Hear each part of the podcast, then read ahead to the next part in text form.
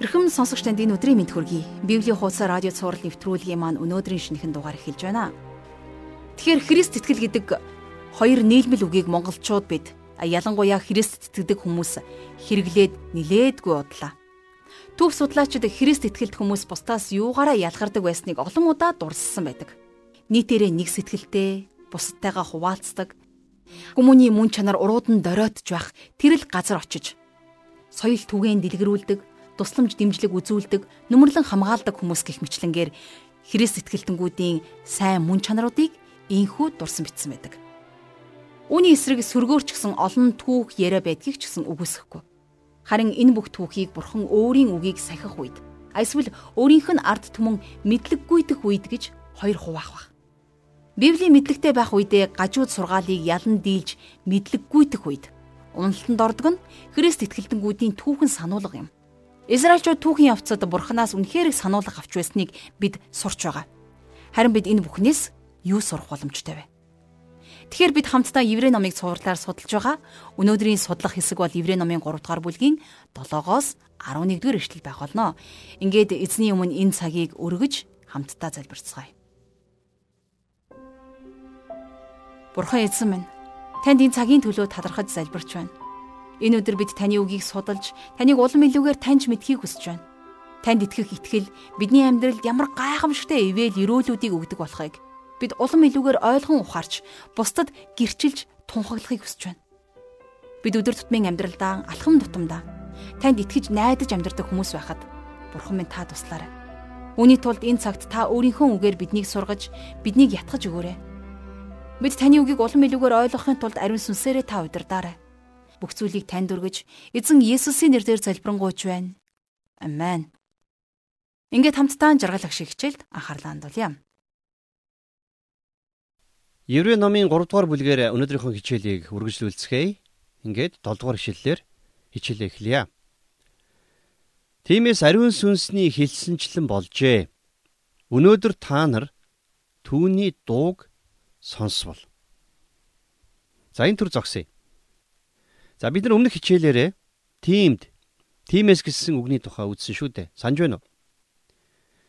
Хэрвээ ийм үг орсон байх юм бол бид нар энэ үгний урдах, хойдох хоёр хэсгийг хоёуланг нь авч үзэх ёстой гэж үзсэн байгаа тийм ээ. Тэгэхээр бидний үзэж байгаа Еврей номын 3 дугаар бүлэг дээр энэ үг 3 удаа орсон байгаа. 1-р эшлэл дээр за саяын уншсан 7-р эшлэл дээр за бас 10-р эшлэл дээр. За миний өмнө хэлж байсанчлан Энэ үг бол их чухал үг байгаамаа. Энэ бол хоёр тишийг нээгддэг хаалгатай адилхан. За зүйрлүүлж хэлэх юм бол зам хөндлөн гарахтаа хоёр тишээгээ сайн хараарай гэж байгаатай яг адилхан. Тийм учраас энэ үг орсон байх юм бол энэ үгийн аль нэг талыг нь биш харин хоёр өгүүлбэрийг нь хоёуланг нь авч үзэх ёстой. А гэхдээ ямар ч тач энэ үгний өмнөх хэсгийг бид нэр өмнөх хичээлээрээ нилээд дэлгэрэнгүй үзсэн учраас за энэ үгний хойд хэсгийг өнөөдөр аваад үзье. За өмнөх хичээлүүдээр бид нар Есүс Христ бол Тэнгэр элч нараас ч иш үзүүлэгч нараас ч Мосегоос ч агуу нэгэн гэдгийг үзсэн байгаа тийм ээ.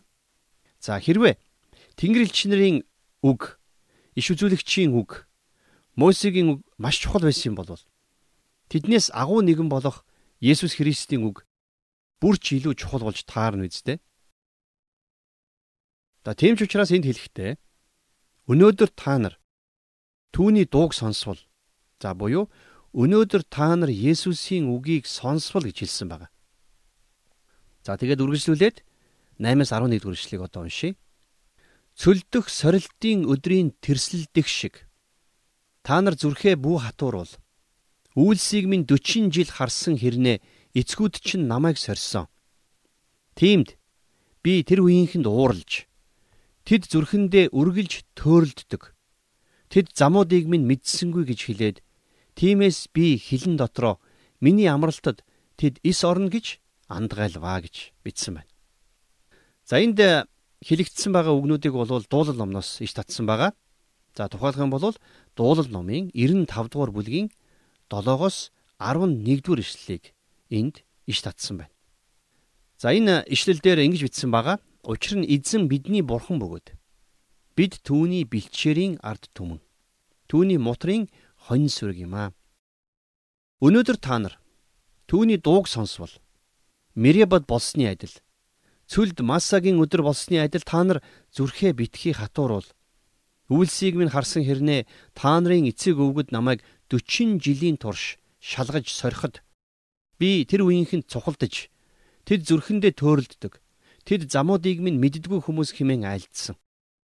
Тиймээс би хилэн дотроо амралт руу минь тэд ис орно гэж андгайлсан гэсэн байна.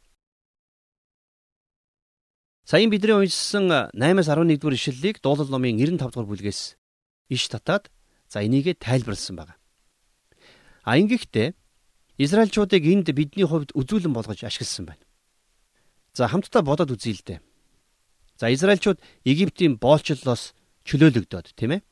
За тэгээд Бурхны өөрсдөд нь амласан тэрхүү амлагдсан газар руу очихоор цүлд аялан явхдаа Бурханд эргэлзэн тэнэгэлдсэн байдаг. А тэд нар энэ эргэлзээнийхэн улмаас бүтэн үеэрээ тэрхүү амлагдсан газар болох Канаанд орж чадаагүй юм а. За яг энэ талаар бурхан хэлэхдээ би өөрийнхөө уур хилэн дотроо миний амралтанд тэд нар орохгүй гэж андгайлваа гэж хэлсэн байдаг. За амралт гэсэн үг энд гарч байна. Ер нь Библиэлд амралт гэсэн үг маш олон янзын утгаар орсон байдаг. За жишээлх юм бол авралын амралт гэж байна. Матай номын 11-р бүлгийн 28 дугаар эшлэлдэр эзэн Есүс зүдэж зүтгэгсэд хийгээд хүнд ачаа үүрсэн бүгдээ над дээр ир. Би та нарыг амраая гэсэн байдаг. Есүс Христ та бидний өмнөөс загалмай үүрсэн учраас бидний гим нүгэл уучлагдсан. Есүсийн урсгасан цусаар дамжуулан бидний өмнөөс золилт хийгдэж Бурхан биднийг уучлах боломжтой болсон. Бурхны уучлалыг хүлээж авахын тулд бид нар юу ч хийх шаардлагагүй. Яагад гэвэл Есүс Христ та бидний төлөө шаардлагатай бүхнийг аль хэдийнэ хийчихсэн. Харин та бидний хувьд Есүс Христэд итгэж түүнийг хүлээж авахд л хангалттай. А Израильчуудын хувьд бол авралын амралтыг хүлээж авсан байсан. Тэд нар Египтийн хатуу ширүүн боолчлолоос чөлөөлөгдсөн. За ингэхдээ тэд нар хаалганыхаа тотхон дээр хурганы цус түрхэж үхлийн аюулаас аврагдаж ингэж улмаар Египтийн боолчлолоос бүр мөсөн чөлөөлөгдсөн түүхтэй. Тэд нар Бурхны хүч чадлын тусламжтайгаар улаан тэнгисийн дундуур гарч ирсэн байна. Бурхан өөрөө тэднийг аварч хамгаалсан шүү дээ. Харин бид нар Матай номын 11-р бүлгийн 29-р ишлэгийг харах юм бол эзэн Есүс арай өөр нэгэн амралтын тухай энд өгүүлсэн байна. За юу гэж хэлсэн байна уу гэхээр буулгыг минь өөрсөд дээрээ ав. Надаас сур. Би дүлгөөн зүрхэндээ даруй. Та нар сэтгэлдээ амралтыг олох болно гэж хэлсэн байна. За энэ амралт бол авралын амралтаас арай өөр. Энийг би дуулууртай байдлын амралт гэж нэрлэмээр байна. Өөрөөр хэлэх юм бол итгэлийн амьдралаар дуулууртай амьдрсны төлөөх амралт буюу ивэл ерөөлийн тухай энд өгүүлсэн байна. За юу болсон гэхлээр Израильчууд Египтийн нутгаас гарч Улаан тэнгисийг бурхан хоёр хувааж тэрэн дундуур гарч ирэх үедээ баярын дуг дуулсан байдаг тийм ээ. Гитлэл номын 15 дугаар бүлгийн 1-р ишлэлээс харах юм бол эзэндээ дуулнан би хүлэг морийг унаачтай нь далайд тэр хаяж үлэмж өргөмжлөлийг өөртөө тэр авчээ гэж дуулсан баг. Тэднийг аварсан бурхны авралд тэд нэр баярлан хөөрч байсан. Тэд нар Синай уулнаас хөдлөөд 11 хоног явхад л амлагдсан газар руу орох ёстой байсан. Харин тэд нар бурхны амлсан газрыг судлахаар 12 туршуулыг явуулсан. Уг нь бол ингэж шалгах ямар шаардлагагүй байсан л да. Бурхан тэднийг хамгаалах л байсан. А гэтэл тэд нар бурханд итгээгүй. Тийм учраас бурхан тэднийг туршуулуудаа явуулахыг зөвшөөрсөн. А гэтэл тэдгээр туршуулууд нь эргэж ирэхдээ тэр газар нь хэдий гайхамшигтай сайхан газар мөн боловч тэнд хүчрхэг улс үндэстнүүд амьдарч байна гэсэн мэдээлэлд ирсэн. Тэдний хажууд Израильчууд өөрсдийгөө царцаатай зүрлсэн байна. Тэд нар нөхцөл байдлыг харснаас бурхнаа хараагүй.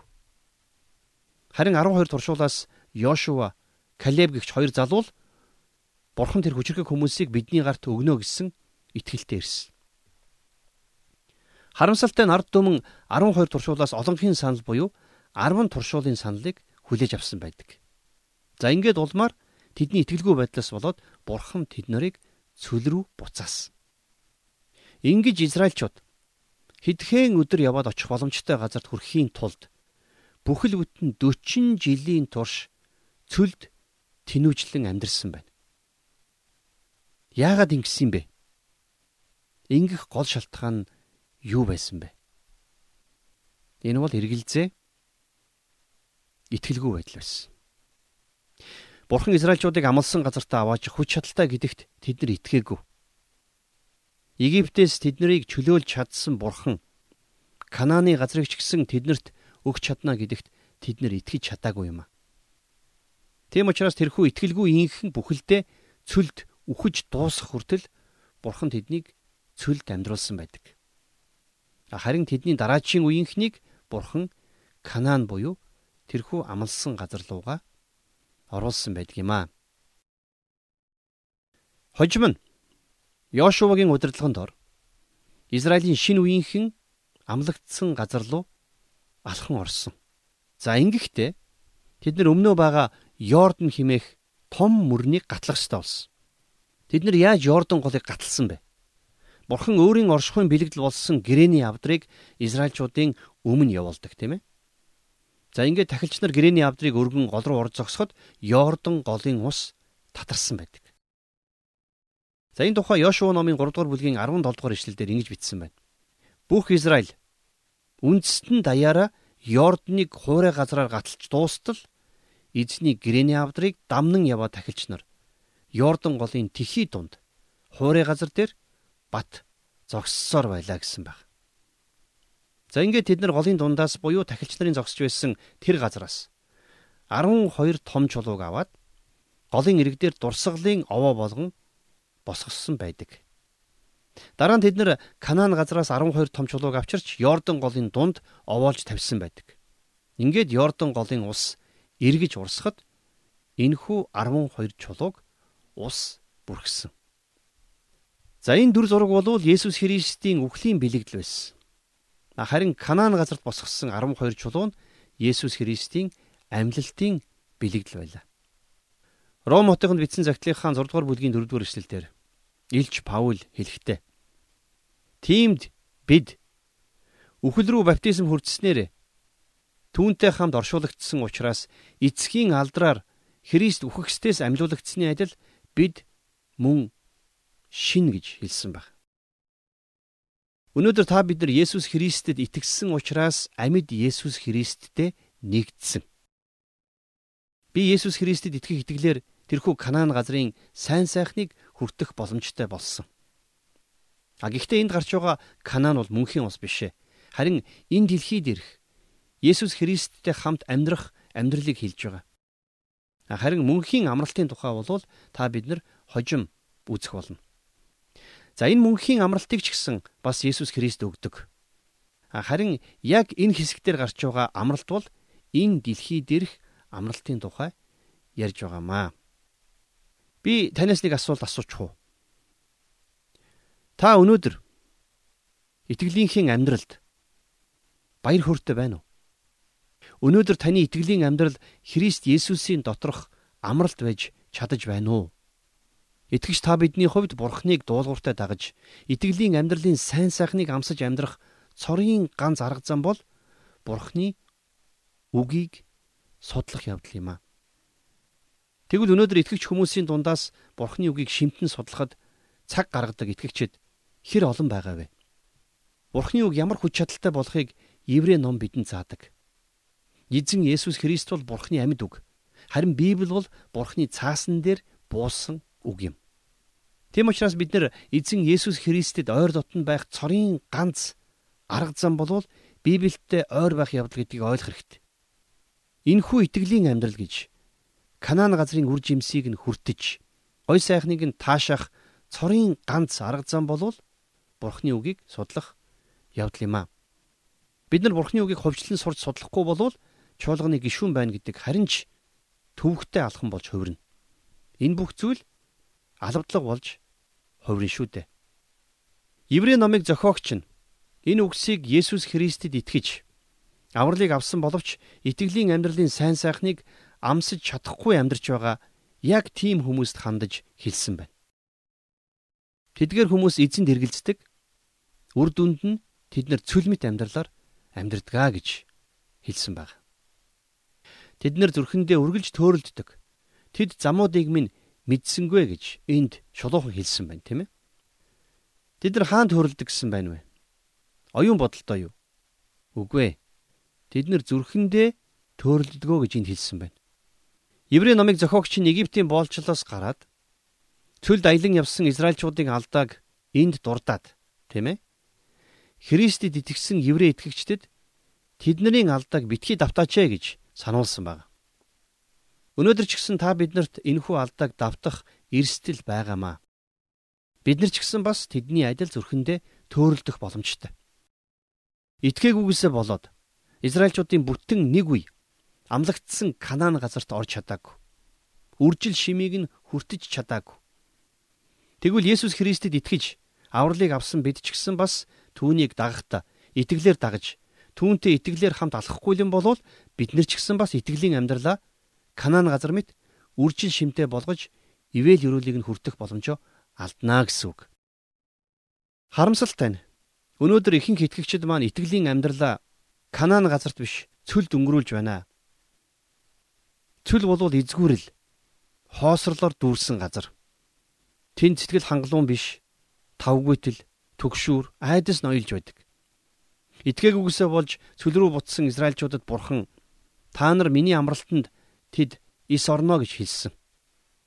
Өөрөөр хэлэх юм бол тэд нар амар заяага үзэхгүй л гэсэн үг. Өнөөдөр ч гэсэн бас амар тайван гэж юу байдгийг мэдэхгүй амьдарч байгаа итгэгчид зөндөө байна. Тэд нар энэхүү амралтанд яаж орохыг мэдэхгүй байна. Харин үнэндээ бид нар зөвхөн итгэлээр л тийшээ орох боломжтой гэдгийг хичээлийнхэн төгсгөлд сануулan хэлье. Ингээд дараагийн хичээлээр эргээд уулзъя. Тэгэхээр өнөөдрийн хичээл энэ хүрээд өндөрлөх гэж байна. Үнэхээр сонирхолтой сайхан хичээл байлаа.